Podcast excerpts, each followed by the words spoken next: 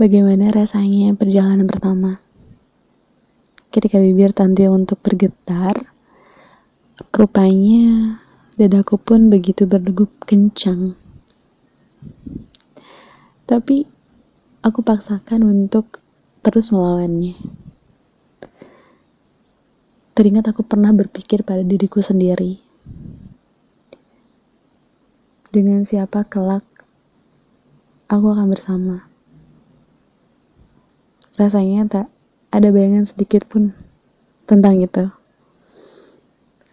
Namun Allah punya perjalanan pertamaku untuk bisa bersama kamu. Allah tunjukkan jalannya. Allah tunjukkan bagaimana caranya. Dan rasanya begitu menyenangkan perjalanan hidup ini. Inginku hanya menjadi yang utama dan pertama dalam hatimu dan juga hidupmu. Karena aku adalah orang yang lebih sayang dan cinta di antara kita. Aku sayang kamu.